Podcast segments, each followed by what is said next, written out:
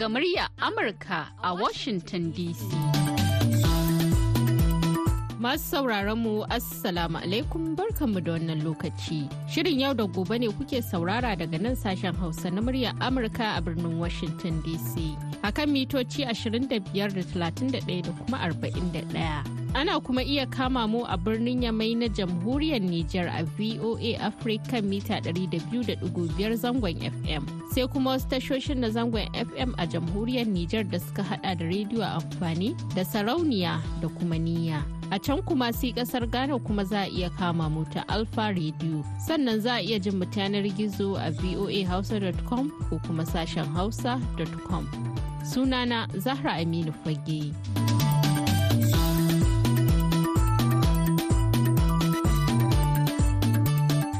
Talata 20 ga watan Fabrairu na shekarar 2024. Shirin yau da gobe zai leƙa Ghana tare da wakiliyar Hauwa Abdulkarim. Inda a yau shirin namu zai tattauna akan yadda matsalar taɓarɓarewar tattalin arziki ke shafan matasa a Ghana. Sannan za mu leƙa ɓangaren nishaɗinmu daga ƙarshe kuma za mu leƙa zauren girke-girkenmu. Sai a gyara zama a kasance tare da shirin yau da gobe.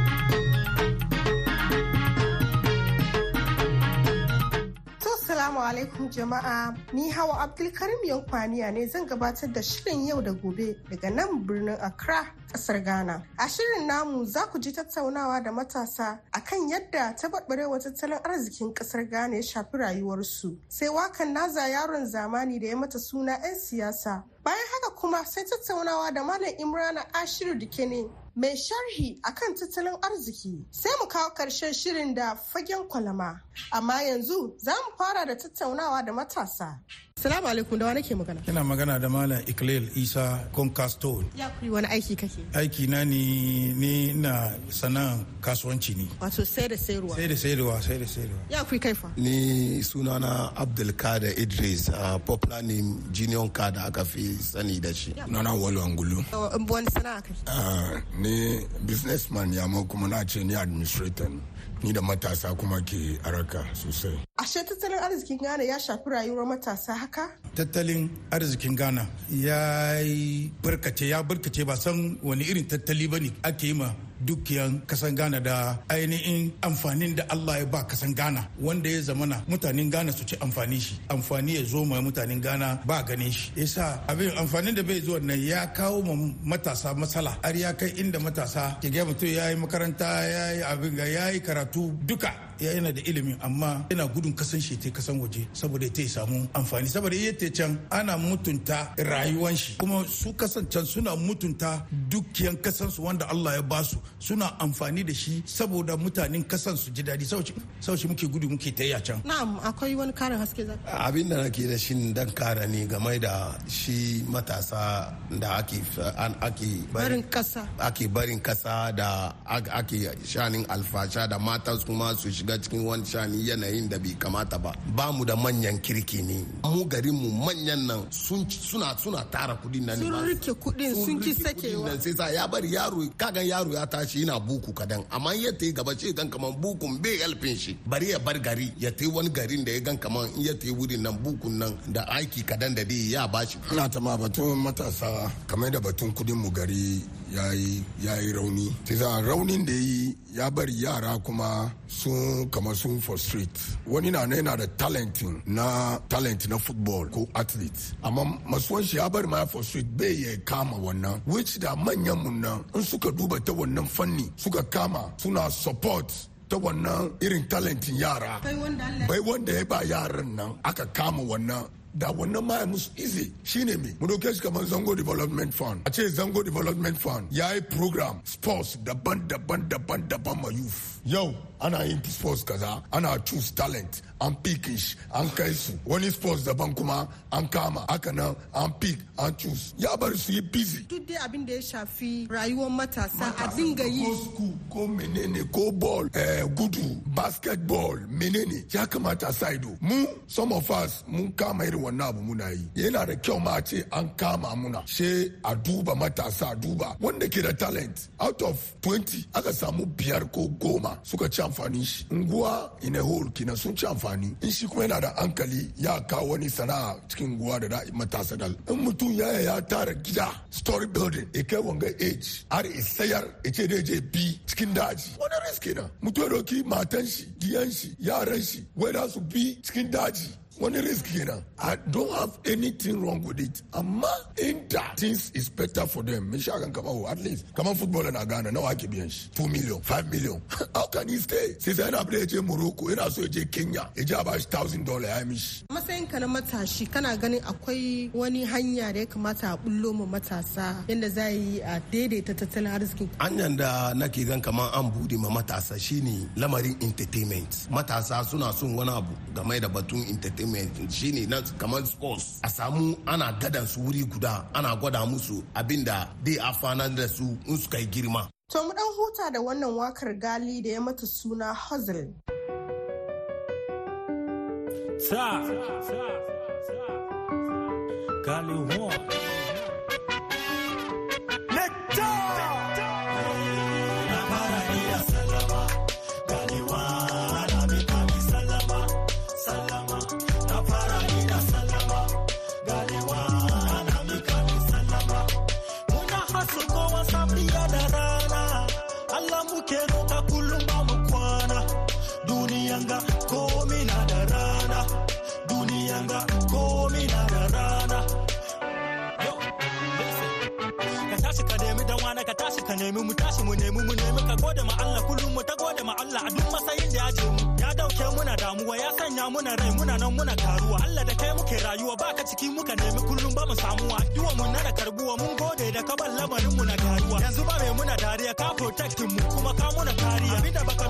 shi ba wani ya nufe mu da shi da bai taba faruwa. Kullum ne ma muke ba mu kwana kwana mu ba mu da suliyan zama zama mun sara da bara muna fama fama Allah ɗauke muka kai mu sama sama. Yadda ka ba mu wurin zama zama duniyan ga komai na da rana.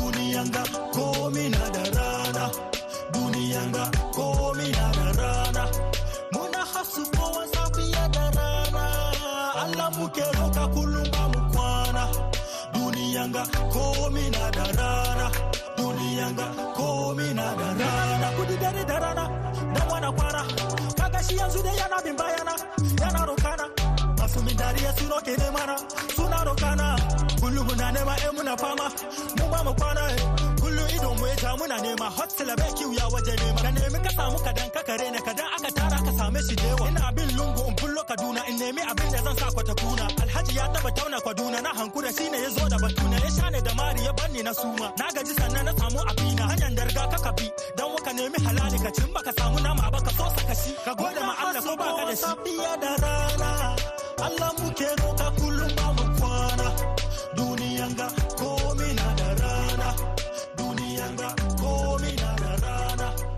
To mu da dawowa. Kuna ganin matsalar tattalin arziki na iya jefa rayuwar matasa cikin shaye-shaye gambling da sauransu. Kwarai ma sosai saboda in tattalin arziki ya birkice ya koma wani kamar kakatutu yaya da yi da shi? In tattalin arziki ya kai aka nan kina kallon matasa suna dokan hukunci ga annunsu su aikata abin da su rayuwarsu ke so. Shine su shiga shaye-shaye su shiga wani sace-sace. Kaga mace tana ƙarƙashin uwayenta tana fita da daddare tana zuwa karuwanci uwayen ba su yi mata magana. Duk duka tattalin arziki yana kawo wannan masiba. Da manyanmu shagabanninmu su kawo an kullan su kan matasa. Shagabanninmu sun manta da matasa kana ganin in suka kirkiro wasu ayyuka zai iya rage na'am aka kinkiro wadai su ayyukan da zai sa matasa suna gan wani abu kadan. Kudin nan ya amfanar da su sun tsora garin su ba su gudu su bar gari. Ya kamata ana engage da youth. Manyan guwa sun ya kamar shawaran da na kawo nake faɗi miki. Sun ya su zauna da manya. Kamar mu doke shi misali nima a ce sarakan nima da opinion leaders nima sun zo together sun je president na cikin guwansu thank you. Community guda sarakan. A ce manyan guwa sun come together a ce sun shawara su ce suna so su je su gamu da president.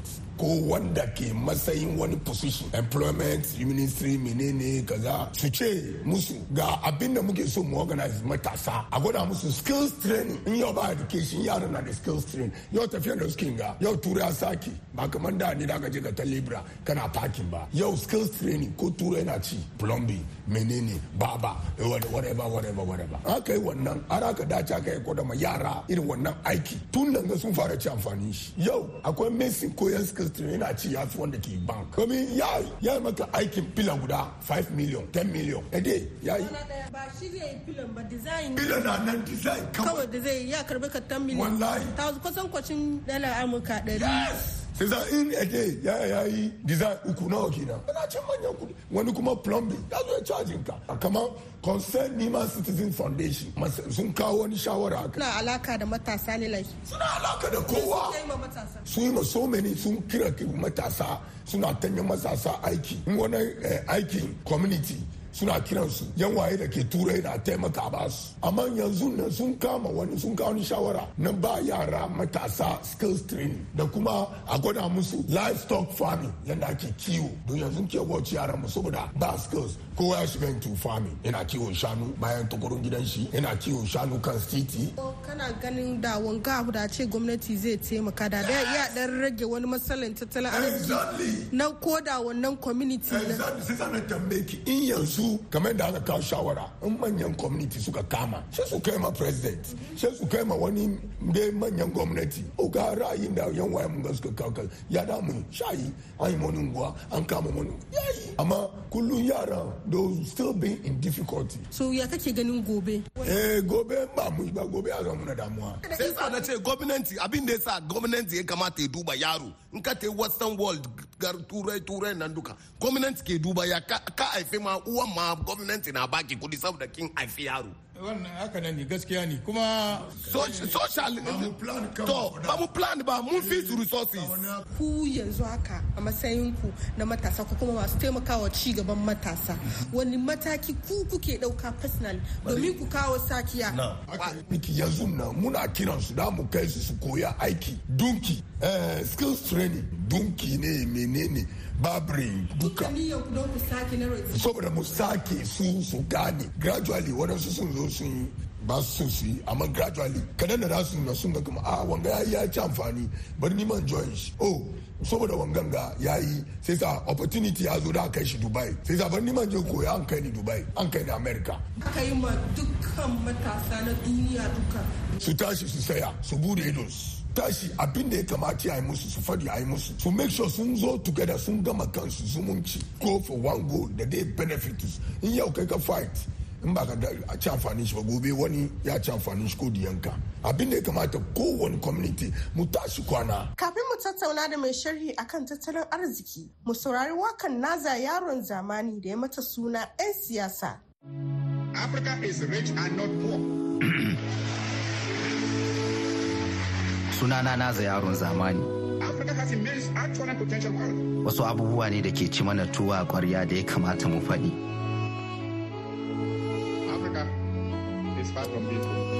labede ƙarfe huɗu kenan na sahe babu lokaci. Ga mu za mu fama nema abin da za a ci. Rayuwa ta zama muna madwaci babu agaji. Money no te gari yayi mana zafi kawai zaka ji. Matsiyata yan siyasa na ta sace mana kuɗi. Sun sa muna ci e bagaya babu agusi. Mu tashi tsaye wannan nasiha ne ga matasa. Kada mu yarda su rude mu ko da ma da wasa. Sun fi son ana ce musu yasa yasa. Kuma ko ruwan kirki na sha mun rasa rasa. Ba su son mu ban mamaki mu da ƙasar mu. A matse mu kuma a ce ba a so a ga hawayen mu kowa ya hushi. Ana kuka su suna ta murmushi. Ba su da matsala sun tara kuɗi a banki. Ga motoci kala kala a ƙarƙashin tanti. Mun bar su da Allah Allah ya isa barayi. Wasu sun bi desert har libya sadakar da rayukansu don su kai italiya. Italiya. Wasu sun stranded algeria ga 'yan matanmu na shagala can saudi arabia. Wasu sun bi desert har libya sadakar da rayukansu don su kai italiya. Italiya. Wasu sun stranded algeria ga 'yan matanmu na shagala can saudi arabia. Yana da ban takaici kuma tausai. Sun sa rayuwanmu ba ta daidai. Waka da mususa inda ke mana kai kai ga kowa na ta kuka wai wai wai. Yana da ban takaici kuma tausai sun sa rayuwanmu ba ta daidai. Waƙa da mususa inda ke mana kai kai ga kowa na ta kuka wai wai wai. Shugabanninmu ba su da tausayin talaka.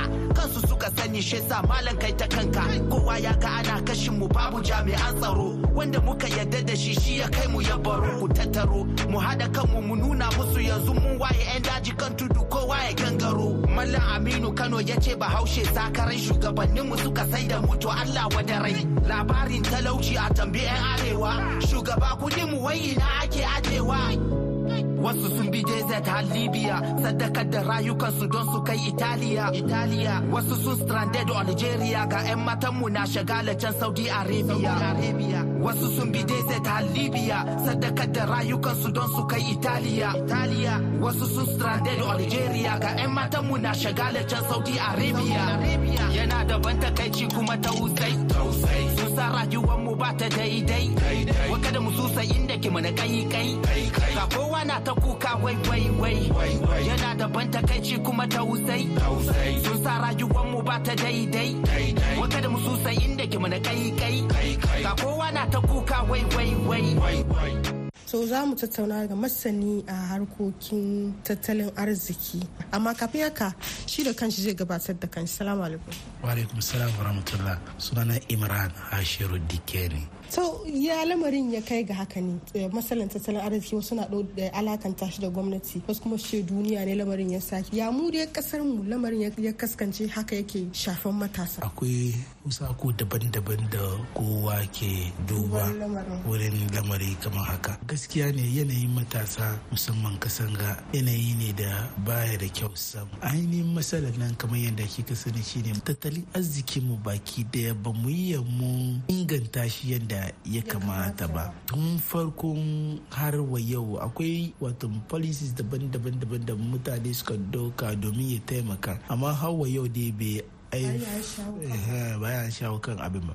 Mun shiga policies da dama shekaran jiya mun zo mun shiga sabo. Wayan ga duka gwamnati ta shiga cikin domin ta shiga yanayin kakanike kakanikayi ta shiga cikin wayan ga policy domin ta yi ta taimaka. Amma mun saba gaya musu in ka lura da tattalin arzikin ghana a greek shanin noma yana daga cikin wuraren da ke baiwa matasa aiki sosai sosai idan an fada shi. Bayan haka kuma wangan fahimta na cewa agric yana taimakawa ya sa mafi yawan gwamnati suka suna ƙoƙari yadda za su bunkasa wato shanin noma. Suna ganin kamar amfanin zai kai kasa har zuwa ga to ainihin last person gana amma yanzu salon duniya ta sake. Zan buga miki misali. Idan ka shuka koko zai doki kusan shekara biyar tukuna ta fara siro. Idan ka samu bugun shinkafa masara nawa za ka yi ƙasar da shi? Ka hada shi da wasu ƙasashe da suke kulawa da ilimin kimiyya. Misali iphone da kike amfani da shi. Phone guda nawa ake sar da shi? In ka samu phone ya cika bag guda nawa kuɗi nawa za ka same shi? In ka samu masara ya cika bag guda kuɗi nawa da ka sayar da shi? Da wanga muke kiran hankulan gwamnati zuwa ga inganta shanin ilimi musamman ilimi na kimiyya. Abin da zai taimaka mana kenan. Abin da sani ke miki wanga bayani wannan abin nan yana bunkasa tattalin arziki cikin minti ɗaya. Kin gane ko? Amma a greek ga da muke yin ga yana taimakawa mun yi fiye da shekaru daruruwa hawa yau ciki muke. Idan kin lura mafi yawan ababa da muke amfani da shi muna fito da shi ƙasashen waje ne. Wayan ga ababan ga da muke fito da shi ƙasashen waje wayannan ƙasashe da muke fito da shi wurin nan muna baiwa matasan wurin nan aiki ne. A ta irin shi okada mutum da muke amfani da shi ga.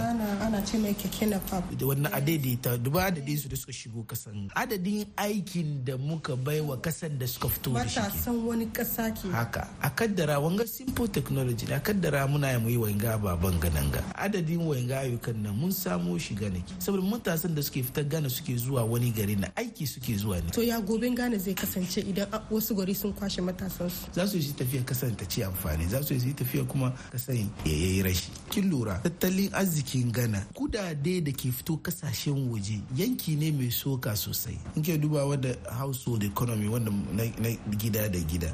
Za ki ga gidan na akwai mutum da ke kasan waje ya aika wani abu kadan. Wato suna ma taimakawa tattalin arzikin ƙasar ya aika wani abu kadan. Wani abu ya aika wani kika ga wani yana layya ya aika mai wani na haji ya aika mai. Ya taimaka a rage talaucin gida.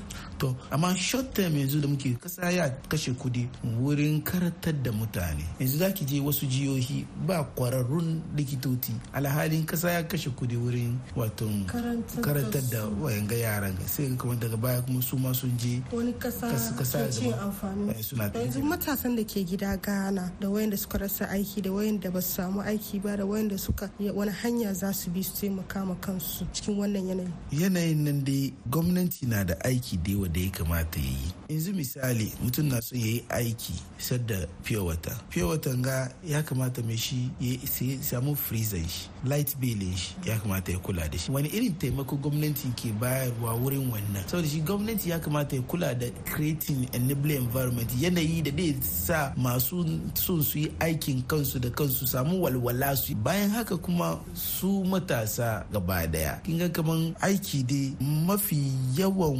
ma'aikata ba gwamnati ke dokansu ba. Idan kin hada private sector ya doki mutane ya fi adadin mutane da gwamnati ke dokan aiki. Saboda shi wangana gaya mana kan mafi yawan taimako da mutum zai taimaka ma kansa da kansa ya same shi wajen gwamnati ba lalle sai da gwamnati ba. Saboda kun buga miki misali na yi accounting na yi finance bayan haka kuma na yi law alternative dispute resolution na yi wannan law. Ina daga cikin masu aikin jaridan hausa.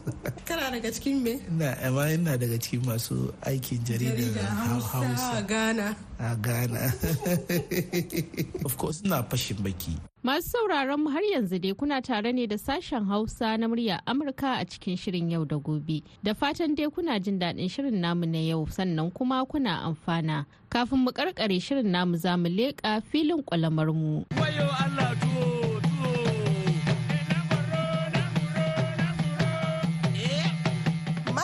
Hadiza Kubra ita ce bakuwarmu a fagen kwalama. Ko na Hadiza kamfanin mu ne Hadiza Kubra ya mata Annabi Muhammad sallallahu alaihi wasallam. Masha Allah. Ta wani abinci daki da famuna? Oh salad. Okay. Salad. Salad. Saladin ga kin san wasu ƙasashe na yin nasu. Mm. Ni dai salad na healthy salad simple. Na fito da salad. Salad wani abu ne da na jiki in ba ka san rayuwan shi ba. Kai ka samu diarrhea. Kai ka samu food poison. Salad na san wadansu yau dai ban sani ba. Those days ruwan gota -hmm. ake zuba ma salad. Ruwa dai na cikin gata. eh isa yana bau. Abin da bai da kyau na shi shiga cikin kisan kan da yake nan. Isa salad din da ka yi salad ka duba salad da kyau. Ya kamata ka wanke shi da kyau da vinegar ko salt water. Ka wanke duka. An so ka sinsinke ka bubude shi ka share ka sa cikin tray. Iska ya bi kai. Ako kasa ako dauda.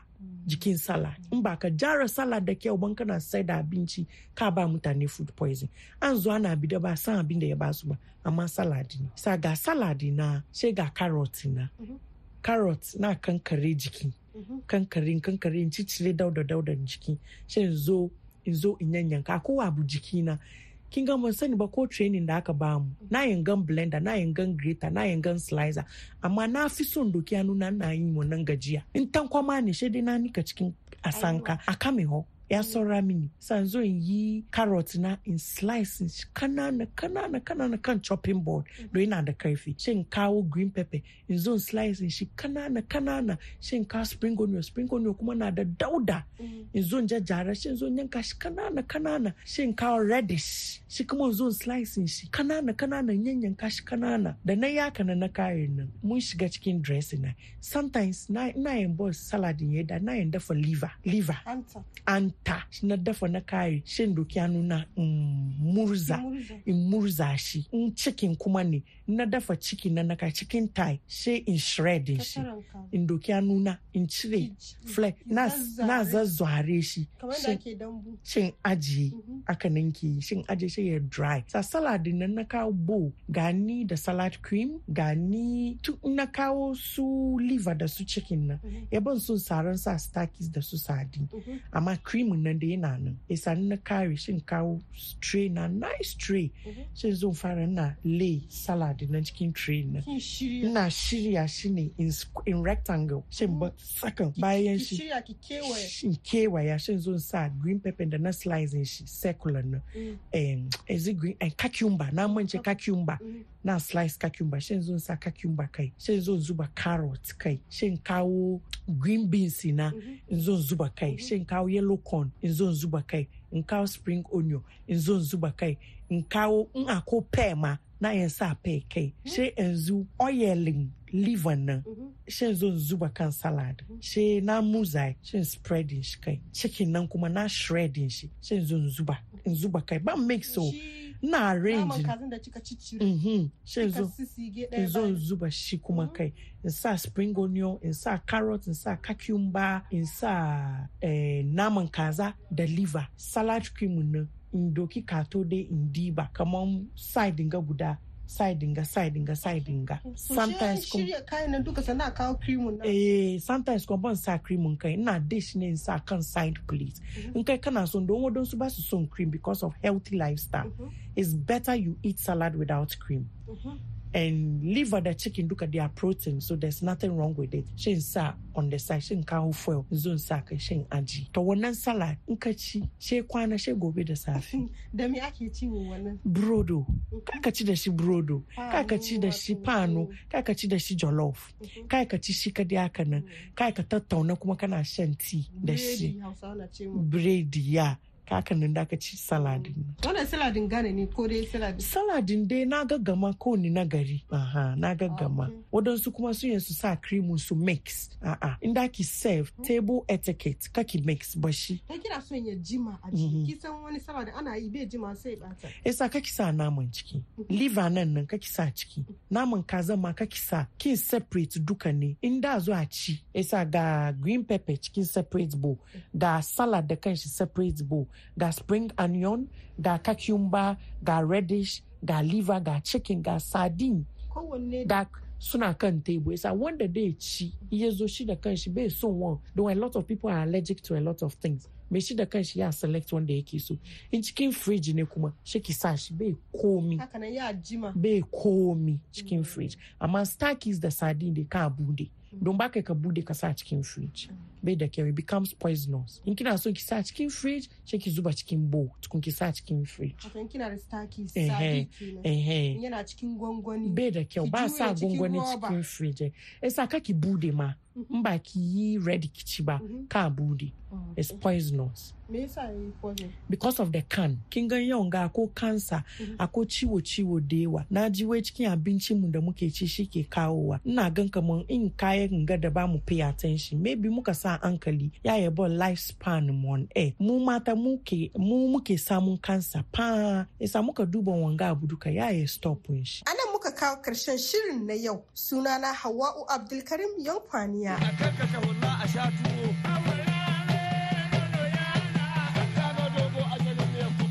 Jama'a masu sauraro da haka muka kawo ƙarshen shirin a wannan lokaci a madadin waɗanda kuka ji muryoyinsu musamman ma wakiliyarmu a Ghana Hauwa Abdulkarim Young Pioneer da wadda ta daidaita mana sauti Julie Lazarus Gresham da dukkanin abokanan aiki da suka ba da gudunmawa a cikin wannan shirin. Ni Zahra Aminu Fage daga nan birnin Washington DC nake sallama da ku ku huta lafiya. Muryar Amurka yau ta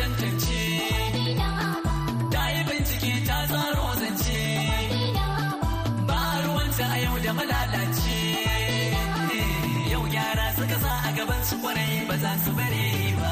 Yau da gobe muryar Amurka na kiran kuma tasa. Yau da gobe shirin su BOA ba sa daina ba. Masu wasanni ba ta ƙyale ba. Yan wasan ƙwallo